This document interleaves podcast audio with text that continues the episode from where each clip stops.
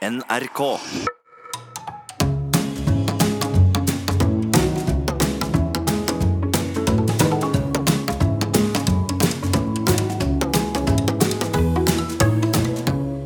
Hjertelig velkommen til Sånn er du her på NRK P2. Jeg heter Harald Eia, og du, Nils? Jeg heter Nils Brenna. Og i dag, Nils, så har vi eh, fått en gyllen anledning til å komme til bunns i personligheten til en norsk sanger, gitarist og låtskriver. Hjertelig velkommen hit, Lars Lillo Stenberg. Tusen takk. Jeg vil si at du er blant dem, og mange av de vi har her i studio, Nils, er jo folk som har gjort Norge til et eh, bedre land å leve i, det vil jeg si. Mm. Og du har jo gjort det fordi du har skjenket oss så mange sanger. Neste sommer, Smak av honning, Tøff i pysjamas. Listen er lang, som folk kan lytte til og synge og nynne på. Og sånn sett har du bidratt til å berike norsk kultur. Og det jeg har lyst til å finne ut i dag, Nils, blant annet er Er det noen forbindelse mellom dine personlighetstrekk, Lars, og dine folkekjære sanger? Takk for uh, alt det du sa der. Ramset opp. Eh, ja. Det, var, det var ikke oppramsing, det, var, Nei, det, var, kom fra eh, hjertet. Det var litt liksom nedramsing. Det kunne vært litt mye lenger. Ja. hjerteramsing. Ja. ja. ja, takk skal du ha. Vel, la oss eh, sette i gang, Nils. Vi begynner med å se om det er noen sammenheng mellom Lars sine tekster og hans eventuelle score på personlighetstrekket nevrotisisme. Er det fortvilelse og nerver han henter sin inspirasjon fra?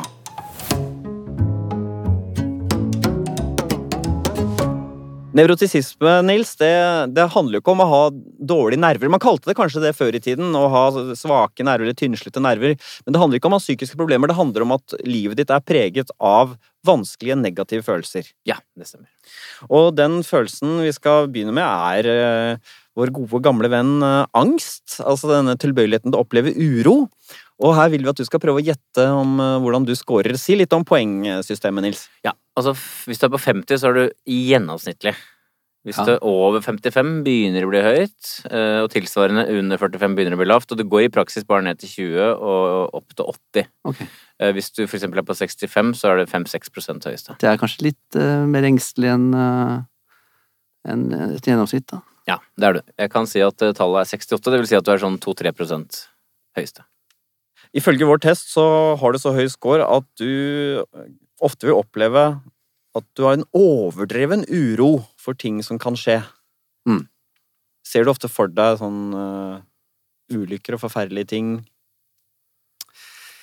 Ikke så mye sånne katastrofer, kanskje, men uh, i de små hverdagslige sånn uh, at nå oss, ikke sant, Veldig fort hvis det skjer en ting, så er, er hjernen min veldig, veldig raskt kalkulerende på at jeg ikke rekker det toget, det flyet, og hva, da, hva skjer der oppe da? Da må jeg kanskje leie inn en, en sånn fiskebåt for å få frakt meg over til en øy, liksom, jeg får tak i det klokken åtte om kvelden. Altså, det er veldig raskt, så er jeg i gang. Det, det er frykt som kombineres med en slags sånn der eh, logisk tenkning, da, slik at det, det setter i gang en, en, på en måte en form for krisemaksimering som ikke nødvendigvis betyr at jeg blir ren angst, for jeg får veldig sånn løsningsorientert da, da. Mm.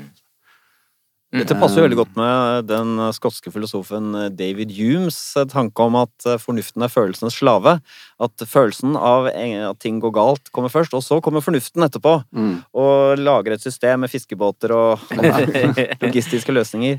Men, men er det sånn du er det an, Hvilke andre ting er det du kan bekymre deg for? Eh, altså, jeg kan absolutt bekymre meg for uh, ting, uh, sånne uh, hypokondriske eh, ting. Eh, I det siste Og- har du hatt noe sykdomsuro.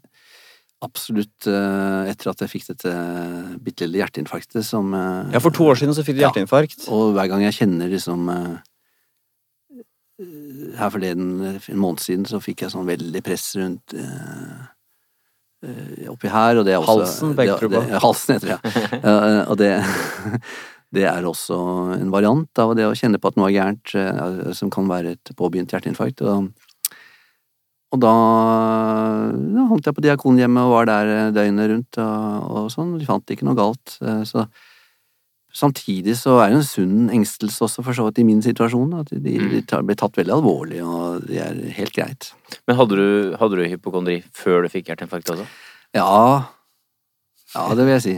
Jeg, jeg, jeg husker eksempler som alltid kommer, så jeg kan raskt nevne det. Er mange andre eksempler, men Det er eh, at jeg eh, var på min første interrail og badet utenfor Venezia. Da ble jeg brent av en brennmanet som eh, ikke ligner på sånne som jeg eh, har sett før. Sånn helt annerledes variant. Den var var ikke sånn rund og koselig og rød eller blå? Nei, nå var det sånn, sånn merkelig som Jeg husker ikke. Ja. Antakeligvis var det den der litt lilla som er nede i Middelhavet der. Men jeg eh, hadde hørt om portugisisk krigsskip og sånne ting. ikke sant? Selvfølgelig. Livsfarlig Ja. der, ja. Og så var det noen bergensere som jeg drev og holdt på med noe ball med, som jeg ikke kjente, som jeg ble kjent med der, på den stranden. Og de var helt sånn morsomme galgenhumor. Ja, nå er, det ikke, nå er det ikke lenge igjen, nei. Den det, den har jeg sett før, ja. Det er bare å komme seg til sykehus med en gang. Kanskje du overlever. Sånn, sånn, helt sånn med en gang. Jeg prøvde å le av det, men jeg, jeg gikk da rundt eh, en times tid eh, med han vennen min som lå og solte seg, som ikke var noe interessert i dette her. Og jeg trodde jeg skulle eh, kanskje dø. Eh, eh, og da ble jeg sinnssykt solbrent, vet du. Ikke- Altså, da, din uro reddet deg ikke fra ulykke, det bare skapte mer eh, bryderi. ja.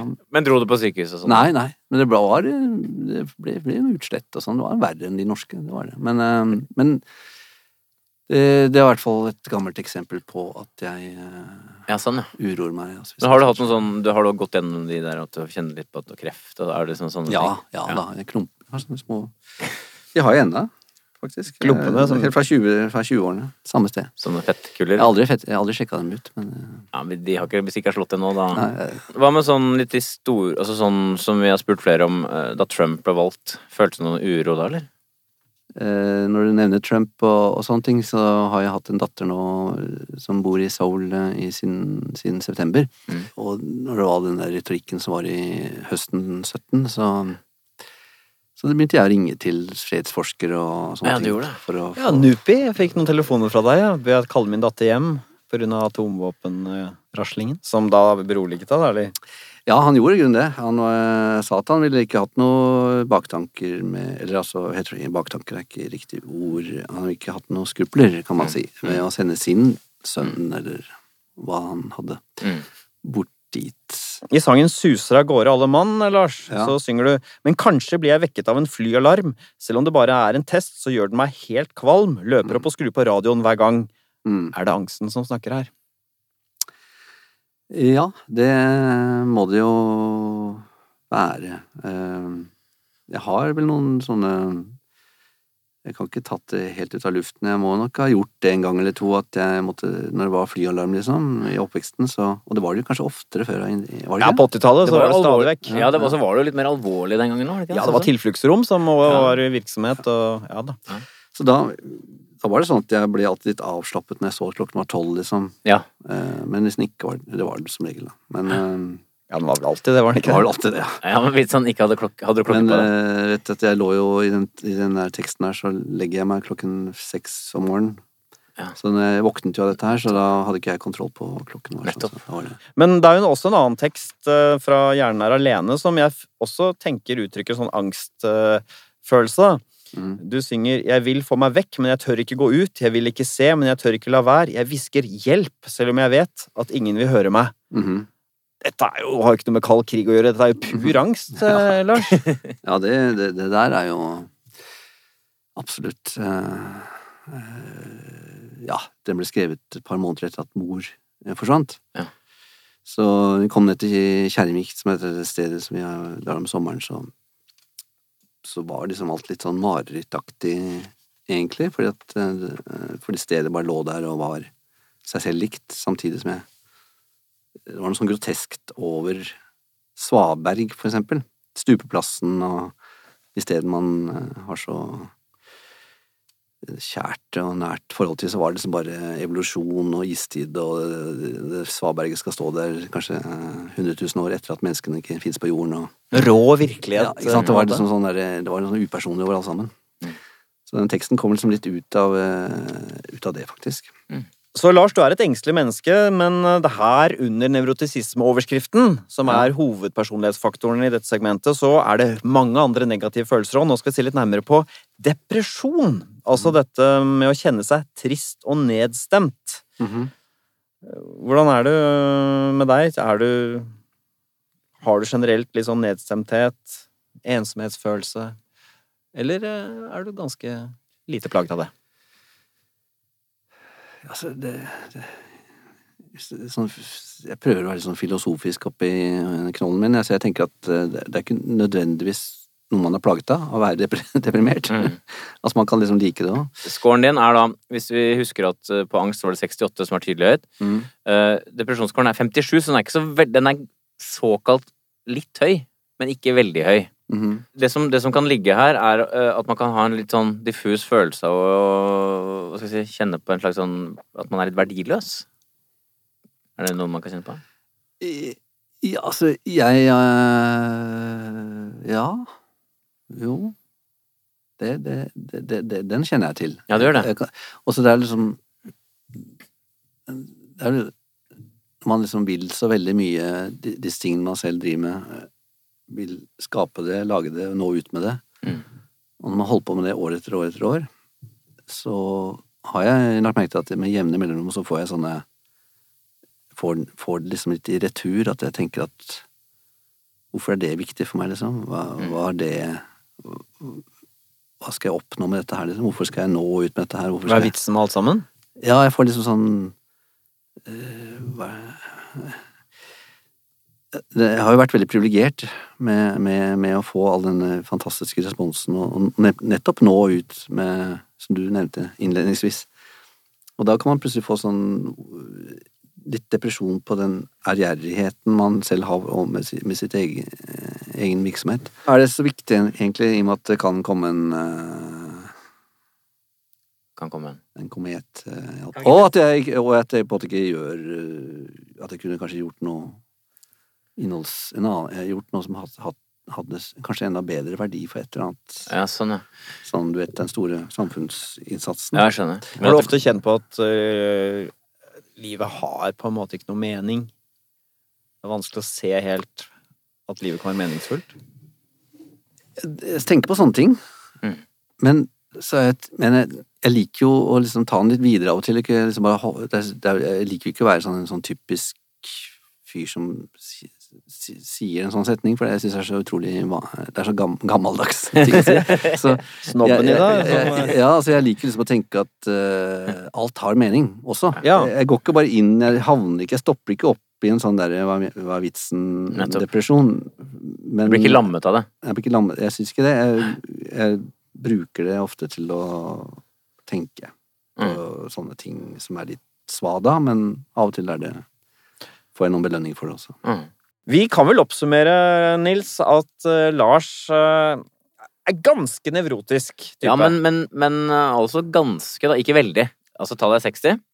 Så vi har hatt mange her som har vært uh, mer nevrotiske enn uh, Lars er. Absolutt. Det tydeligste nevrotiske trekket er dette med angst. Mm. Der er du høy. Tydelig høy der, ja. Så litt høy på depresjon og lettstressethet. Men du er ikke noen sånn aggressiv type. øh, og har ikke så mye sosial angst. Så da vet vi det. Det er noen forbindelser mellom øh, dine nevrotiske trekk, Lars, Mm. og sangene dine. Så, så, så, så blir jo spørsmålet da er det også noen andre, mer positive følelser som har preget Lars Giro Stenbergs uh, sangkunst? Vi skal se på din score, Lars, på dette personlighetstrekket som heter ekstroversjon. Så vi begynner med en sånn underdimensjon under ekstroversjon her som heter aktivitet. Altså livstempoet, behov for å holde seg aktiv og sysselsatt. Er du en som uh, scorer lavt, så har du et jevnt og rolig tempo. Uh, scorer du høyt, så har du et behov for å holde deg sysselsatt. Oppleves som energisk, kraftfull, hvis du scorer høyt. Mm. Hvordan skårer du her, Lars? Jeg- jeg- Når jeg tenker på sånne mennesker som du snakker om der, som, eh, som er sånn veldig sånn, så tenker jeg ikke på meg selv eh, Jeg, synes ikke at, jeg ser for meg andre mennesketyper enn meg selv, da. Som scorer høyt? Ja. Du er på 40, som er Det er ganske lavt. Det er ikke sånn superlavt, men det er ganske lavt. Noen er jo høyt og lavt, og ja, ja, ja. rettes på, og knutene opp og ned, og Ja. Mens hvordan er du? Nei, jeg er litt lat, kanskje. I forhold til, i forhold til sånn som min eldste bror, som eh, absolutt er også en veldig, veldig, veldig utadvendt person, men han er også sånn som holder det gående ofte. Ja. Hva er det han Med- gjør da? med-? Nei, det er, på- han er jo den eldste av oss tre, da, så han, eh, han er liksom den store, du vet de tre små grisene, altså er han som liksom passer på at ting er i orden. Han som bygger hus og Så Holder i- han, eh, han eh, har lagt merke til at den bør skiftes og noe sånt. Altså, det har, Er det sånn at du ser det, men at du også, men Ja det, ja. det går litt til. Om- Hvis det hadde vært veldig høy her, så hadde man typisk vært sånn energisk og kraftfull. Ja. I liksom alt og ett. Det, det tenker du at du ikke er, eller? Ja, altså Ja, ja men det er jo Jeg syns det er mange som ser på Dagsrevyen sånn, så er det utrolig mye treige folk som er intervjuet rundt omkring. Ja. Du vet sånn som har sånn Nei, ja, han kom jo nedover der, da, så jeg kunne ikke annet enn å Ja, det vil jeg si. Altså, sånne typer som er bare sånn. Ikke? Jeg syns det er mange som er sånn. Ja. Vi, vi har jo testet ganske mange etter hvert. Hvilke andre er det som har scoret høyt på aktivitet, og hvem er det som har scoret lavt? typisk høyt. Eh, Anne B. Ragde, har du hørt henne snakke noe? Ja, ja det skjønner jeg. Der er det ja. ping i Hvis, energien, Vetle, liksom. hvis Vetle Lid Larsen hadde vært der, hadde han også skåret høyt på det, skal jeg tro. Ja, han snakker mye mer sånn med sting, liksom, ja. Vi skal jo prøve å se forbindelse med sangene. Det er jo Vil jeg her trekke fram eh, teksten til Smak av honning, hvor du Som er far sin tekst, da. Ja, nettopp, ja. Men han kanskje hadde samme score på dette for flere. For teksten går sånn Å ligge på et svaberg og bare være til, og kjenne solen varme i en luft som er så mild, det er hva jeg kaller en smak av honning. Og dette er jo folk som har et bedagelig livstempo. Ligge der på svaberget som en sel er den største Mm. lykken. Men altså, det er en slags forherligelse av det å ikke være aktiv. Er det det vi snakker om Ja. her? Ja, altså den der eh, teksten er jo liksom Det handler om alt eh, alle, alle, du, vet, du vet Donald eh, Husker du alt Donald i gamle dager? Eller fremdeles sikkert. Eh, Så var det alltid sånn 'Dette er livet, gutter', når, når de endelig Når ikke Fetter Anton vant. Når, når de vant. ja. Ja. Og så sitter du med den dumme brusen og sånne dumme solbrillene Ja. på sånn strand. Ja, ja, ja, ja, ja. Det er den ideen. Det er- Evige ideen at det er livet, da. Sånn, ja, dette er livet, ikke det stemmer det? så, eh, så det er liksom sånn en gammel, gode, gode bilder på hva som er liksom Når man liksom kan bare nyte livet, som det het i gamle dager. Så i sum, eh, Lars, tenker du at du er en introvert type, eller tenker du at du er en eh, ekstrovert? Jeg tenker at jeg har min måte å være ekstrovert på. Ikke sant? Jeg er litt sånn derre selvgod på at jeg tror at det går an å være ekstrovert på andre måter enn enn det man tenker umiddelbart på. Enn en sånn bablekopp? En sånn skravlete Så jeg, jeg tenker liksom at jeg Jeg, jeg, jeg syns liksom at jeg ganske fort kommer inn på ganske spesielle samtaleemner med folk og sånne ting, så jeg begynner å snakke med dem. Mhm. Jeg syns ikke jeg er sånn som holder tilbake eller mm. og sånne ting. Men uh, Så hva sier testen vår? jeg jeg syns at jeg ikke er eh, mindre eller, altså Jeg syns egentlig det, men, men, men eh, testen bestemmer. Testen, men, te, men testen bestemmer bestemmer egentlig litt i den retningen som du beskriver nå, for du er ikke introvert. Nei! Du er Det- ikke introvert. Hvis noen skulle tro Jeg tipper at noen tror at du er det. Eh, Du er heller ikke ekstrovert, når det er sagt. Det er midt på treet. Du er såkalt ambivert. Så måten du beskriver det på, er jo sånn som folk som ligger midt på treet her. De kan noen ganger eh, ha behov for å trekke seg litt tilbake og være for seg selv og litt stille, men har det også i seg å være sosiale. Og du, du er ikke noe asosial uh... Gjennomsnittlig sosial er du, og det er mange som har vært her som er mye mindre sosiale enn det du er. Mm. Så du kan ha det hyggelig sammen med mange mennesker. Du Ja, kan men bekrefte det. det er flott. flott. Ja, ja, Det er ikke noe som er flott her, det har jeg glemt Nei, å si, Lars. Nei da, men det er flott for meg å, å høre det, for at da liker jeg liksom litt sånn eh, Da føler jeg meg litt sånn enig, da. Ja, og det er også bare for å ta Du er, du er gjennomsnittlig nær også. Altså det som heter ekstravartvarme. Det er nærhet og inderlig. Der er du også gjennomsnittlig, ikke lav. Du tar vare på vennene dine. Og så er du gjennomsnittlig høy på selvmarkering, altså sosial dominans. Du er ikke en sånn en fyr som blir helt borte sosialt heller. Altså, Da kan vi fastslå, Nils, så langt. Lars, eh, ganske nevrotisk, men verken innadvendt eller utadvendt. Midt Ja. på treet der. Så skal vi se på den personlighetsdimensjonen som eh, ofte går for å være kunstnernes eh, adelsmerke, nemlig denne personlighetsfaktoren som kalles åpenhet for erfaringer. Du hører på Sånn er du på NRK P2. Dagens gjest er Lars Lillo Stenberg. Åpenhet det handler jo om eh, om man er søkende og nysgjerrig. eh, Innover i seg selv, eh, Lars, men også utover i den ytre verden. Mm.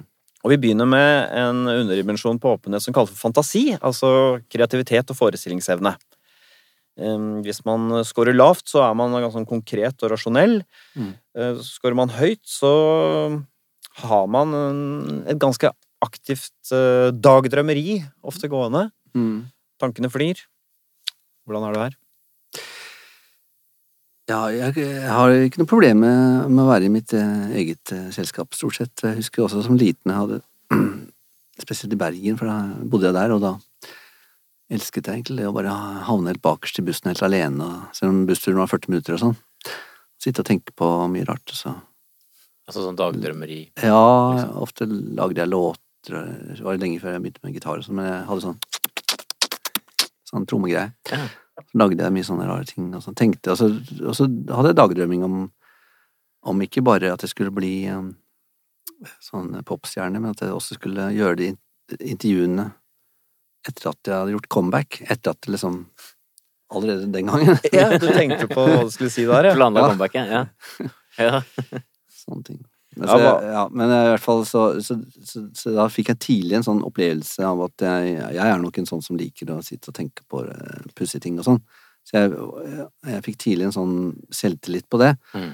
Og jeg har alltid tenkt at jeg syns at det er en deilig evne som jeg har, da. Høres ut som vi skal litt opp Ja, vi skal over snittet, Nils. 59, så det er ganske høy på fantasi, rett og slett. Den gangen jeg for eksempel skrev min Baby det, sted, så så jeg jo en øh, jente som uh, spilte øh, bassgitar i, i et band.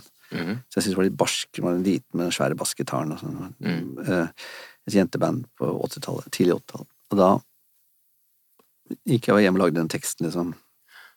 Som, med min bauder av sted med hun som spilte punk. Ja, fordi Så- denne teksten har jeg plukket ut Ja. nettopp på denne, denne personlighetstrekket. Min baby dro av sted. Ja, eh, Sammen med de ekle guttene hun spiller med. Hun spiller punkebassgitar, hun spiller punkebassgitar. Og jeg spiller badminton sammen med far. ja.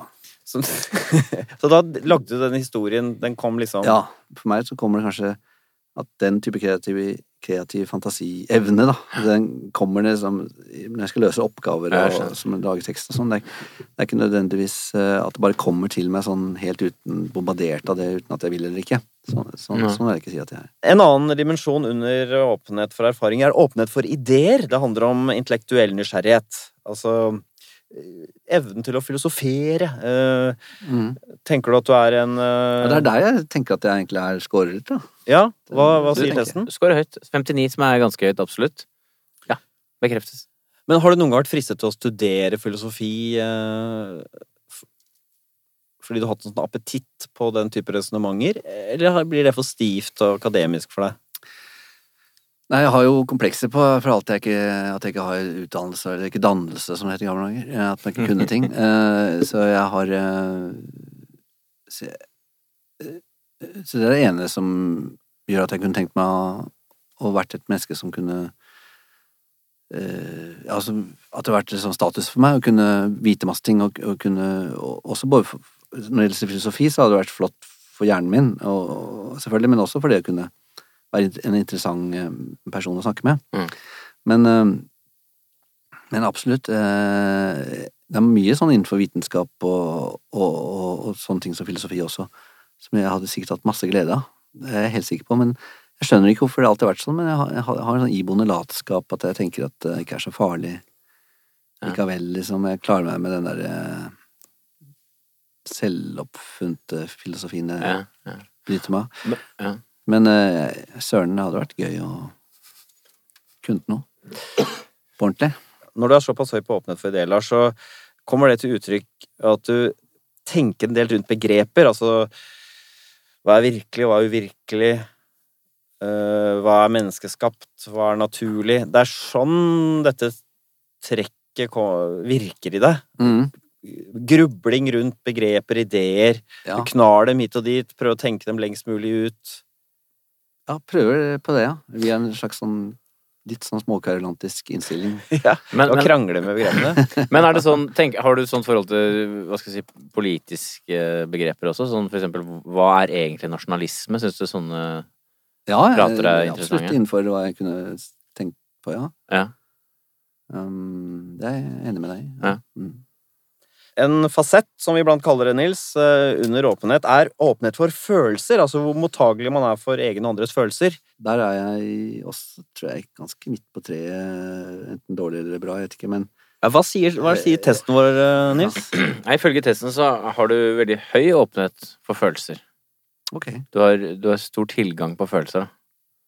Du har, du har evnen til å hva skal jeg si, ha forskjellige og kjenne igjen forskjellige sinnsstemninger i deg selv, for eksempel. Ja, det, det er sant. Det har jeg nok. Scoren er? I forhold til meg selv, ja. 65 tydelig, tydelig høyt. Ja. forhold til deg selv. Egentlig mest i forhold til deg selv, faktisk, dette er snakk om. Ok. Men andre stemninger, si litt om det. Er du sånn i forholdet og sånn, er du Er du er, Blir du overrasket hvis eh, noen av kjærestene har sagt 'Lars, vi må snakke sammen'? Eller har du kjent på det lenge? Hva slags type mann er du der? Mm. Ja, ja. Ehm, jeg har i hvert fall eh, blitt overrasket over følelsesmessige, følelsesmessige reaksjoner fra andre som jeg ikke har skjønt. At, at noe er veldig trist har skjedd, at de har sagt noe dumt eller sagt noe sårende, eller, eller, eller om det er meg som har sagt noe sårende. Altså, jeg, jeg har i hvert fall vært gjennom livet mitt med i disse forholdene så har jeg vært skikkelig sånn der langbein, du vet han har den der Hånda foran hånda foran der. trynet sitt. Når, eh, Hva, når, når beskriv, noen- beskriv, hva beskriver det for dem som ikke skjønner? Hva, det er, hva er det som sånn, Har du ikke sett Langbeina? At når Mikke Mus står der med politimester Smikk Fiks ja. Jo, jeg har sett det, bare jeg vil at lytterne skal ja, skjønne så, det. så står Langbein bak der, en meter bak, med hånden sånn eh, foran opp til der Ja, sånn 30 sinnssyke- cm fra munnen, Ja, liksom. Ja, det, det er et sånn merkelig uttrykk. Ja, hva, er hvordan vil du beskrive det uttrykket? Er det sånn, hva er det du skjønner Det betyr ingenting? liksom bare at, ja, at han liksom ikke skjønner ikke hva som foregår, eller? ja, eller- Jeg er her, men ja. Så du har vært litt der? Jeg har vært med på den der eh, at jeg liksom jeg virkelig ikke har skjønt hva faen jeg sa nå, liksom. Ja. Folk som har så høy score på oppnådde følelser, eh, har ofte stor tilgang på ulike sinnsstemninger i seg, altså inni seg selv. mm.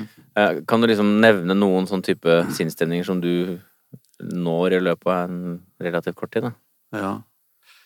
Sinnsstemninger Altså, det er så kjedelig Vi snakker ikke om sinnsstemning Er det, hva, hva er det Ja, men kan det Det er være ikke sånn glede og sorg og jo, jo, Jo, kan, jo. kan du skifte? Ja. Altså, hvis man Sånn. er veldig lav, så har man veldig, er man veldig flat, på en måte, på sånne ting. Ja. Det er én. Er, her er det greit, liksom. For meg så er det veldig sånn at, at det er så mange sånne komponenter inn i bildet som lager en sinnsstemning, da. Som Ja. ikke bare kan kalles for glede eller sorg, eller alt det imellom der. Som Det kan være at jeg er veldig mottakelig mot en stemning, rett og slett. Ja. Eh, og, det, og det kan være det kan være sånn årstidsstemninger. At. At Ja. plutselig så opplever jeg at det er noe i luften, noe, noe lys, eller Ja. hvordan, hvordan ting faller Hvordan lyset faller inn i stua, liksom, eller, Mm. som, som setter i gang stemninger som gjør at jeg tenker på et eller annet langt bak i, tilbake i barndommen, en, en, som, som er en følelse. Men jeg klarer ikke Nei. umiddelbart å si at den følelsen er glede eller sorg. Og sånn. Det er- Nei, nei, og, så kan, så, og da kan jeg Det kan være en veldig god foranledning til at jeg går resolutt bort til uh, flygelet og, og finner en akkord eller et eller annet sånn som gjør at jeg, liksom, blir, jeg kan bli inspirert av det, rett og slett. Men eh, Her snakker vi høy åpenhet for følelser, Nils. Helt klart. Dette kunne ikke du ha beskrevet, Harald, på samme måte. Nei, og så er det det at du ikke går veien om språket. Du er ikke så interessert i, eller i hvert fall høres ikke sånn ut, å finne den båsen og putte det i. Eh, Du er mer eh, lytter på den følelsen eller sinnsstemningen i seg selv, da, hva det er for noe, jobber vi ut fra det. Ja, det er liksom det, det, det, med, så mye musikk det alle vi, eller Dere har hørt på masse musikk, det er jeg sikker på. Men det er vel, dere kan jo tenke på det når dere hører på musikk, en låt, eller altså de, alle de stemningene dere får. Det er jo det samme greiene. Dere har sikkert vært borti det masse, mange ganger at dere får en helt spesiell stemning av hvordan, hva som skjer akkurat når det verset går til, til, til det refrenget, liksom. Så får du en sånn fargefølelse. Eh, Musikk er jo på en måte en juksete måte å trykke på emosjonelle knapper på, i min bok. Ja, samtidig, så, samtidig som de fleste får jo stemninger av musikk, men du vil nok få, med denne scoren, få mer enn de fleste andre. Du har en type sensitivitet, da, som er eh, høy. Meget høy. Herlig. Det er jeg glad for. Ja, det er jo det, og vi begynte jo å snakke om det, begynte med å snakke om, om den sammenhengen mellom kunstneren og trekkene. Dette må jo være et tydelig trekk som gir noe til musikken. Ja, hvilken tekst kan det være her, Lars, som eh, viser denne åpenheten for følelser? Derfor dukket døden opp i en lesebok da jeg så det diktet. Aha. Hvor, hvor, hvilken er det fra? Alt det var en tekst? Derfor dukket døden opp i en lesebok da jeg så, i en lesebok da jeg så det diktet. Eh, Jeg er så dårlig på å sitere meg selv, for jeg, uten å synge. Hvilken er det? en sang som heter Uendelig trist. Ja, nettopp. Derfor dukket døden opp i en lesebok da jeg så det diktet. Ja. Så Så Det diktet det handlet om om at livet Krevde mot, og det mer enn jeg likte. Ja. Det er lenge siden nå at hun gikk på den skolen, og det er lenge siden nå at hun bar den kjolen. Ja, som er, som er stemninger, da. Ja, men det handler jo om en sånn avstandsforelskelse. Men uh, mm. det diktet handlet om at man må Man må tørre, ikke sant, for å, Mm. for å finne ut. Mm. Og det Og jeg kanskje opplevde det i, i sånne sammenhenger. Og det motet turte. At jeg ikke turte. Nettopp. Ja. Og det diktet på, sa Ja, det fortalte om det, Ja. på en måte. Mm. Det, Så da er det jo den det åpenhet for på følelsen. det spurte om, da. Men, Jo, eh, men det er, det er fint, det. Og den åpenhet for følelsen handler jo om på en måte å utforske de, alt det som spiller seg ut rundt en sånn avstandsforelskelse, så på en måte Mm. utforske det fenomenet. Ja. Og alle disse skuffelsene man eventuelt har via sin egen eh, At man kom for kort på en del sånne områder man gjerne skulle vært litt kulere og tøffere. Det kan jo man ta igjen på at man er åpen for alle disse følelsene, og at man liksom klarer å være litt sånn Føle seg som litt sånn heltemodig likevel, akkurat når man tar inn følelsen og gjør noe med den Ja. For seg selv, Mm. og så kan den brukes til noe annet. En eh, dimensjon under eh, åpenhet for erfaringer er åpenhet for verdier. Altså i hvilken grad man da eh, er litt mer eh, konservativ, at eh, det finnes noe godt og ondt her i verden, eller om man, hvis man scorer høyt, så er man litt mer relativ, ikke ser ikke så svart-hvitt på ting. Um, man da på en måte er litt ukonvensjonell, da. Ja, det er kanskje ikke helt sånn, jeg vet ikke. Man er ikke en sånn moralsk bunnsikker person. Hvis jeg tenker på sånne verdier, sånn hva som er godt og ondt og sånn, hva Ja. som er øh, moralsk riktig og galt, er Ja. du en tolerant type, eller har du ganske sånn klare ideer om hva som er riktig og galt?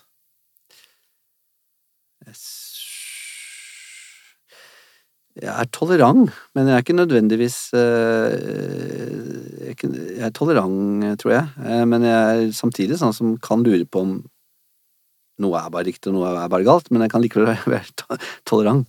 Ja, men det stemmer bra, det. Ja, For begge deler går i retning av høyt.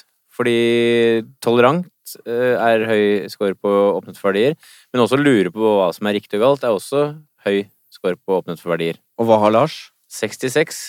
Tydelig høy score.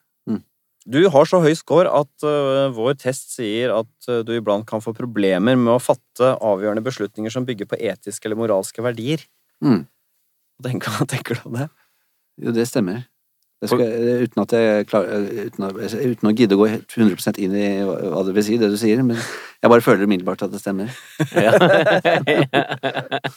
men, men det det egentlig også handler om, er jo at du, du syns ikke det er sånn eh, veldig lett i løpet av et sekund å si hva som er rett og galt på alt Ja. mulig. Nei da, Ikke sant? det er helt sant. Du bruker liksom på den ene siden så kan det være sånn, på den andre sånn. siden kan det kanskje være sånn. Så det er jo litt typisk for en som er høy åpent for verdier, da. Ja. Mm. I teksten nå som vi alle er forskjellige, så mener jeg at du har en harselas med de som mener at én måte å leve livet på er den beste.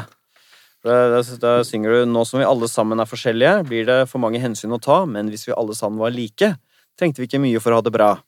Og så sier du da etter hvert at uh, da ville livet blitt mye enklere, men ville heller ikke blitt noe kjærlighet. Mm. Sånn at uh, der er, tenker jeg, da, som eh, når jeg så personlighetstesten din, at uh, her snakker en som gjør narr av folk som er veldig sikre på hvordan livet skal leves. Mm. Det fins én standard, en ideell måte å være på. Mm. Det er ikke du enig i. Nei, det er jeg ikke. Det, Så- tror jeg, det er jeg ikke. Så folk får leve litt forskjellig, og det er spennende og gøy at noen gjør ditt og andre gjør datt. I sum, Lars, så er du et åpent menneske. Det kan vi vel si, Nils. Meget åpent menneske. Høy på fantasi, høy på åpenhet for følelser, også intellektuell nysgjerrighet, og veldig tolerant, da. Så du har store øyne mot verden. Og ø, eneste unntaket, Nils, er vel selvfølgelig også høy opp åpenhet for kunstopplevelser. Mm. Men øhm, det å gjøre nye ting, altså åpenhet for handlinger, der er du helt på snitt. Så gjør Ja. de samme gamle ting øh, det ligger for deg. Ja, eh, og der svart Der husker jeg at jeg på et eller annet sted svarte at jeg var åpen for å reise til nye steder og sånn. Husker jeg, på den testen. Men det var en løgn? Nei, for at jeg tenkte liksom at ja, klart jeg, denne påsken jeg kan godt dra til Herregud, jeg har aldri vært i Helsinki. Måtte prøve det, liksom. Eller Du gjør ikke det, du drar ikke til Helsinki. Nei, men jeg har liksom tenkt liksom Men han er ikke helt fremmed for Må tanken. jo dra dit en dag òg. Men så kommer jeg på at eh, etterpå at det er jo sånn som alltid vil tilbake til Kjerringvik. eh, Og, Ja. og hvis jeg drar til New York, så har jeg lyst til å vise fall hvis jeg har med noen som ikke har vært der før, så vil jeg dra på den baren som jeg har vært en gang før, og vise den. Ja, ja. Jeg liker det. Norske sjømannskirken, kanskje? Når jeg kommer til Stavanger, så drar vi på den Harry Pepper, for der dro vi Ja. første gang vi kom på 80-tallet, liksom. ja. Så jeg syns det Så jeg liker, Litt rutiner jeg liker vaner. liksom gjentagelsen. Jeg gjør det. Fra åpenhet til en annen personlighetsfaktor som en del kunstnere scorer lavt på, Nils, eh, og det er rett og slett denne faktoren som heter medmenneskelighet. Dagens gjest i Sånn er du på NRK P2, Lars Lillo Stenberg. Medmenneskelighet, det er jo snakk om her. Samarbeidsvilje, medfølelse, hjelpsomhet. Og grunnen til Nils, at jeg har sett også forskningsstudier som viser at kunstnere scorer litt lavt på dette, her, er at de ofte forfølger sine mål litt skruppelløst. At du kan ikke ta så mye hensyn da, fordi den kunstneriske visjonen er viktigere kanskje enn dine medmennesker. Nettopp. Så det blir spennende, Lars, Mm. om du scorer høyt eller lavt her. Vi begynner med beskjedenhet. Og beskjedenhet handler om hvor ydmyk man er Mm. I møte med andre mennesker. Eh, tenker du at du scorer lavt her? At du er en, eh, en ubeskjeden type som eh, gjerne prater om prestasjonene dine? Eller scorer du høyt og er da mer enn selvutsletten og ydmyk? Jeg tenker at jeg er ubeskjeden når det gjelder å snakke om meg selv, og, og, og at jeg lurer inn litt skryt når jeg liksom ser muligheten til å gjøre det uten at jeg blir tatt for det. Ja. Hva sier Eh, testen, Nils? Den støtter det du sier der, Lars. Og her er du 41, som er ganske lav, så du er ganske ubeskjeden. Og dette er jeg litt overrasket over, for jeg har alltid tenkt på deg som en veldig beskjeden type. Nei, du vet at man blir jo skadd av å være et, eh, Å få den type oppmerksomhet som jeg har fått i hele mitt voksenliv fra jeg var et par og 20 år. Så blir man jo Man blir jo sånn Man blir jo vant til at alle folk tenker at det er mest moro å snakke med hva jeg driver med. Men vi har hatt mange mennesker her inne, Nils, som ikke scorer eh, lavt på dette her. Som Mm. er ganske beskjedne, selv om de har fått mye oppmerksomhet. Mm. Ja, men de, har de vært ærlige, da? Ja, jeg tror det. Tror det. du, du har jo blant annet svart på at eh, du er enig i, i at du er et uovertruffent menneske. Mm. Hva legger du i det at du, du er et uovertruffent menneske? Ja, jeg var litt usikker på det ordet, for jeg det er ikke noe ord jeg bruker ofte, men jeg, jeg, ehm, jeg eh, Altså, helt tilbake til den derre sitte på bussen og lage trommerytmer med munnen, liksom. Så tenkte jeg liksom at jeg er meg. Det er ingen andre som er som meg. Ja.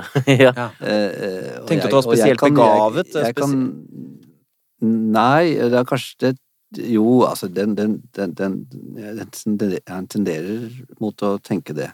Mm, Eh, eh, om at det, hvis jeg bare hadde tatt meg sammen og satset alt jeg kunne på et eller annet, så kunne jeg kanskje blitt den beste arkitekten, eller ja, okay. Jeg har noen sånne Grandiose tanker om deg selv. Jeg har noen sånne Ja. Men når det er sagt, så har jeg også veldig sånn Jeg har masse av det andre òg. Det omvendte. At jeg tenker at Jeg syns jeg syns folk har en intellektuell Jeg, synes, jeg leser kronikker i aviser og sånne ting, så tenker jeg herregud, denne, denne måten å være intellektuell på kunne jeg aldri fått til, liksom. Samme hva.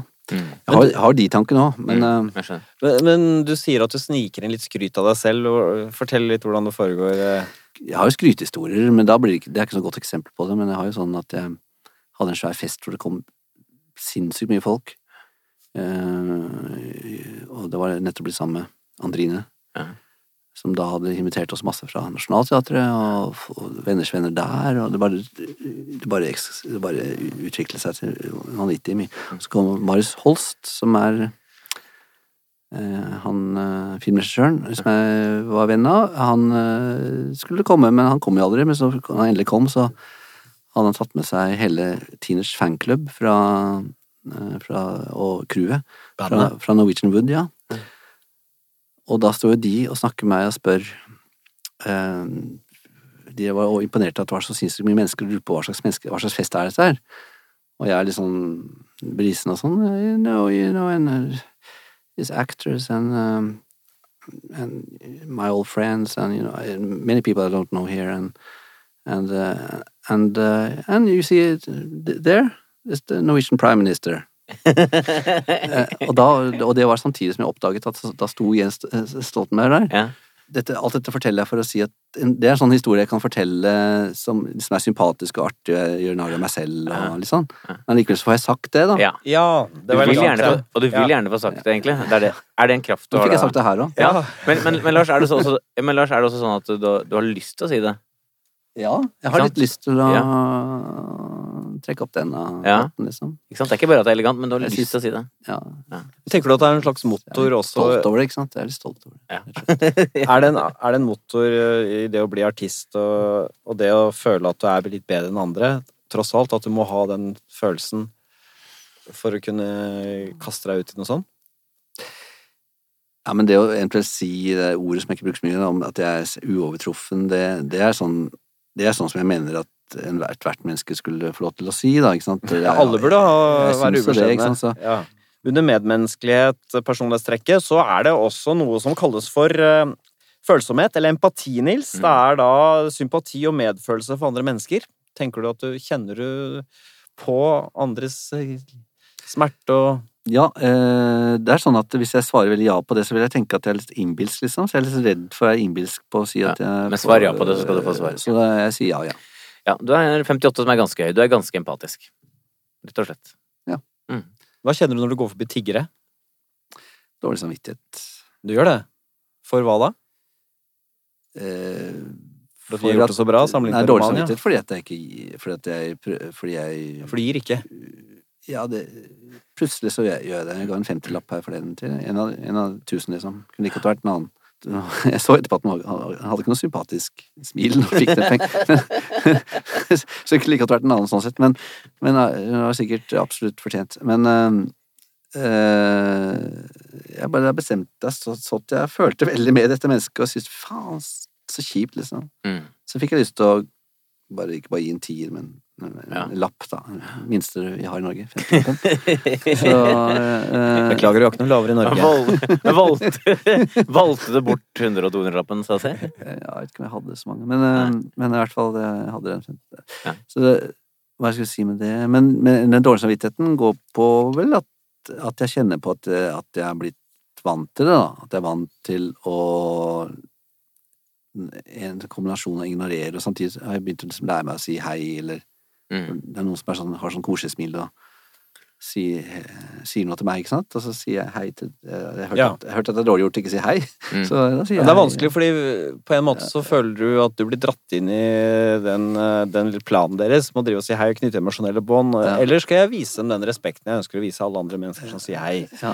Det er dilemmaet man står overfor Ja. når eh, tiggerne sier hei. Så føler jeg meg litt sånn der eh, Så går jeg alltid og tenker på hva skal man gjøre med dette her, liksom. Så får jeg sånn jeg, Det er ikke noe svar. Hvilke andre ting er det som kan sette i gang medfølelsen din? Bortsett fra tiggere. Uh, Nei, det er ganske ma- mange ting, altså. Ja. Jeg vet ikke noe annet enn at det er liksom enkeltskjebner som man opplever rundt omkring. Det Kan være et menneske som står foran deg i køen på butikken. Uh, Det er en sånn fyr som jeg husker da jeg var liten, som lever ennå, som, som alltid sto på trikken og snakket med trikkonduktørene. Jeg vet ikke om han var- litt rar i hodet eller ikke, men jeg ser han ennå. Han blir kjempegammel nå. Han har litt, litt sånn rar rygg. Han bor på Frogner et sted. Han husker jeg skapte alltid sånn enorm medfølelse da jeg var liten. Ja. Og når jeg ser han igjen, så kjenner jeg den der at jeg får lyst til å gå og si noe at jeg, Ja, deg har jeg sett i 40 år, gitt. Jeg husker jeg godt, jeg var syv-åtte år. Jeg får lyst til å si noe, snakke med han, eller Mm. Eh, Men så blir det ikke til det, liksom. For jeg tenker at han kanskje ikke Kanskje han sier du blander er- deg meg så, med en Så annen. er, så er jeg redd for å tenke, tenke om han bare er Det er er akkurat som han er litt sånn eh, Du vet når du ikke tør å si noe til en kjent person, og så er, fordi du er redd for at du skal oppleve at den kjente personen er kjip. Mm. Tenk om han er, som jeg alltid tenkte, er litt sånn søt, Ja. rar, Ja. med litt sånn rar rygg. Ikke forstyrr meg, jeg snakker med trikkesjåføren. Det er den eneste jeg Ja, er respekterer. om bord. Ja, jeg skjønner. I, eh, sånn generelt, eh, Nils, hvordan er eh, Lars Lillo Stenbergs score på medmenneskelighet? Altså, du har da scoren 46, som er helt gjennomsnittlig, egentlig. Mm. Men det vi kan si, er at du er helt gjennomsnittlig tillitsfull. Du er gjennomsnittlig føyelig, verken spesielt konfliktsky eller konfliktglad. Du er da eh, lav på beskjedenhet, eh, høy på empati. Og så Den lille, litt interessante tingen her er at eh, hvis du ser på det som heter altruisme, som er eh, det motsatte av egoisme, Mm. så er du lite grann lav der. Altså, det vil si at du har mye medfølelse, men det er ikke sikkert at du hjelper til. Nei. Gir det mening? Du, Eh, kan, man si, kan, man, kan man si litt hardt at du er litt egoistisk? Ja, det kan man sikkert si. Jeg tenkte på den sangen 'Finnes en kvinne', så synger du Og stort sett er jeg egentlig bare opptatt av meg selv. Ja. Ja. Det passer jo litt med scoren her. eh. Ja. ja sant, ja. Men så legger du til 'med noe som heter kjærlighet', skal hun få likevel. Ja. Så det finnes kjærlighet i, i, i brystet ditt, men eh, også en del selvopptatthet, da. Ja. Ja da. Det er nok eh, Når jeg, hvis, jeg, hvis noen sier 'Lars er litt egoistisk', øh, hva tenker du da? Jeg tenker at eh, det er antageligvis eh, sant, da. På, på, på hvilken måte? Nei eh, At jeg vil ha Jeg vil liksom ha, ha gjennom mine ting, liksom. Mine Tenker at det er viktig for meg at jeg får gjennom mine ting. At jeg kan av og til være litt brutal på en sånn litt sånn smidig Ja. måte. Du jekker det til så du får det som du vil. Ja, men det er ikke sånn Jeg vet ikke om Hva heter det å være sånt menneske? Da, da man eh, Sleip? Sleip, ja. Jo, kanskje jo sleip. Rett og slett sleip. God gamle sleip. Ja, for dette er jo kun, dette er den lave, kunst, dette er lave kunstnerskolen på medmenneskelighet. sant? Men går det mest på det som er faget ditt, eller jobben din, kunsten din? Er det da du er egoist? Herlig, Lars kniper øynene sammen og tenker Mm. intenst. Dette er, dette er det verste jeg vet, altså, å svare på akkurat det der. For at det, fordi, at ikke, fordi at jeg vet ikke, rett og slett. Eh, Eller begynner den jeg, filosofiske men jeg vet at, gemyttet jeg ditt å vet si at, eh, at jeg har um, styra med bandmedlemmer. Uh, jeg har liksom uh, de som kjenner Drillos-historikken, så var det en, fikk jeg en sånn skikkelig heftig oppheng på at jeg ville spille med den gamle trommeslageren og som trio plutselig, og da var det to Drillos-medlemmer som måtte få permisjon, som det ble kalt. som ble arbeidsledig, egentlig. Eh, og da Men samtidig så, så var det ikke sånn der og da, liksom. Jeg var sånn snill og grei som sa at ok, vi men vi spiller et år til, så vi får tjent disse pengene vi har lagt opp til å tjene til sommeren, og så gjør vi dette her om et år. Ja. Så de måtte liksom leve et år med at uh, de visste at det skulle Samtidig så kunne du ikke si nei, fordi det var jo veldig sant at det var kult å få de pengene den sommeren. Ja. Så Og det var sånn både sånn litt snilt og kjipt på en gang. uh, og, Jeg skjønner hva du mener. og, og sånne ting kan jeg liksom uh, komme fram til, da, på sånn og, som er liksom sleip på den måten at jeg kan ikke liksom helt angrips for at jeg ikke er Nei, men det er jo, det er jo blanding av empatisk og egoistisk, egentlig, da. Ja, Ja, det er sant, det. Ja. Du klarer å forene de to, ja. Skal man lykkes og komme seg noe vei, så må man score høyt på det neste personlighetstrekket, har vi erfart, Nils. Nå skal vi se Lars Lillo score på planmessighet. Planmessighet eh, handler om flere ting, men også om orden, altså det å være organisert, planlagt og metodisk. Er du ordensmenneske eller ikke? Nei, det er jo eh, ikke, altså. Eh, men eh, men altså Det har alltid vært rot, sånn, sånn rot som jeg opp, oppsto på, på rommet mitt når jeg var i ungdommen. Det var, det var Det har vært der siden etter at det oppsto. det, Det det, oppstår rot, det, altså. det, den, den, det mennesket som lagde det rotet den gangen, eller, eller som ikke ryddet, da, eh, det mennesket fins i meg ennå, hvis jeg får slippe fri til å gjøre det eller ikke gjøre det. Eh, så, og det var ekstremt. eh, men På grensa til sånn eh, at Helsetilsynet ville ha stengt rommet ditt? ja. Ja. Det var Askebeger-stadiet, for å si det sånn. og det betyr at når du velter et askebeger, så gjør du ikke noe med det, liksom. Nei, da er rommet blitt askebeger. Så du er, ikke, du er ikke egentlig så veldig plaget av rot, da, hvis, det- hvis det skulle stå om det? Eh, Nei, det kan gå ganske langt, og så plutselig så, så må det jo skje et eller annet. Det blir en slags sånn naturlig reaksjon På et eller annet tidspunkt. Ja, hva kan eh, du si med testen i Ja, Nils? eh, det er 40. Det er, det er ganske lavt, ja. Det er, ikke sånn, det er ikke så lavt som du beskriver nå, på en måte, men Nei. det er ganske lavt. Ja, men det er den type rot, da. Mm. Men så er det jo det det der med jobben og ting jeg gjør, og når jeg setter meg ned og, og, og legger opp et løp for noe jeg skal gjøre og sånne ting, Mm. så er jeg ganske konstruktiv. Ja, Men jeg syns det er mer spennende den rotete delen. Også, kan ikke du si litt mer om hvor rotete du kunne hatt det? Altså, hvor... hvis, hvis, har du bodd aleine noe særlig, eller? Nei, eh, ikke mye, ikke lenge. Så Eh, ungkarsmåten å leve på, den har du sånn sett ikke fått Jeg må testet? tilbake til tenårene nesten, eller Ja. et par og tjue år. Når du lager mat og sånn, er det sånn som roter mye og lar ting stå? Ja. Det, det, har, det har vært, eh, det har vært eh, refrenget, for å si det sånn. At, eh, Ja, for dette er en slitasje i mange parforhold. eh. ja, generelt så er jeg en person som ikke skjønner at eh, en, en handling er dobbel, ikke sant? Mm. Alt fra Ja. Det kan være trekke ut en skuff for å finne målebånd, så skjønner jeg ikke at den skal trekkes tilbake igjen, liksom.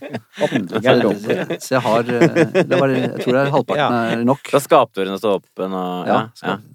Jeg fant ikke noen tekster som illustrerte eh, roteteten din, egentlig. Nei, eh, Men jeg har sett Huskeglemme, en tekst. Ja, hvordan går den?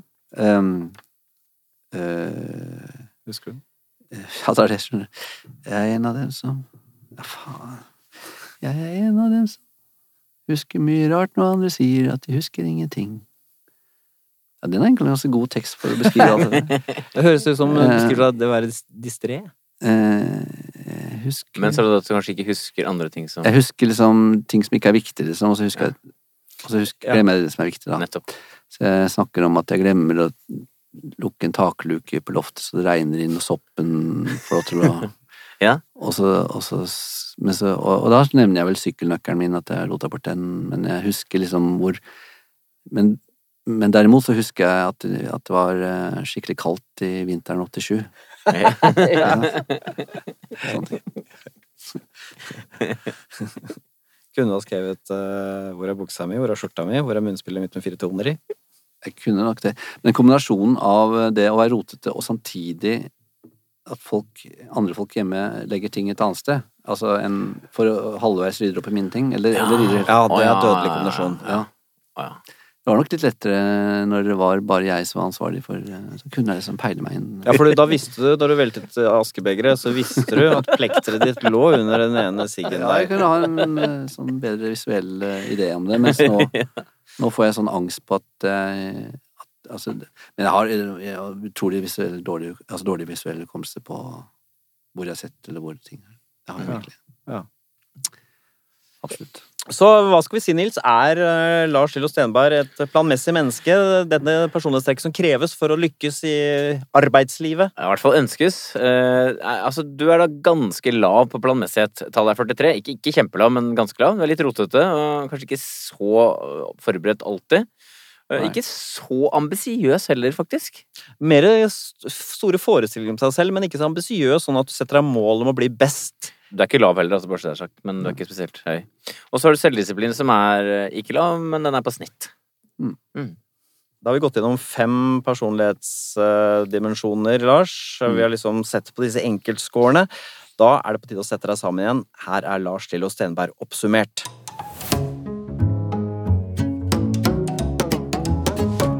Noen ganger, Nils, så er jo folk omtrent som man tror. Mm. Uh, andre ganger så overrasker de veldig, sånn som Fabian Stang, som hadde så mye mørke i seg og så lite glede. Mm. Uh, og Lars, du er jo ikke overraskende. Det var sånn som vi tenkte, at du er veldig åpen. eh, Litt nevrotisk og rotete. Men det overraskende også her er at du ikke er introvert, og at du er litt selvfornøyd. Um, altså la beskjedenhet oppi alt. Og så er det også, syns jeg, overraskende at det ikke bare er noen følelser og fantasi, men at du også har en sånn intellektuell nysgjerrighet. Mm. Det naive, upretensiøse passer ikke på deg. Du nikker.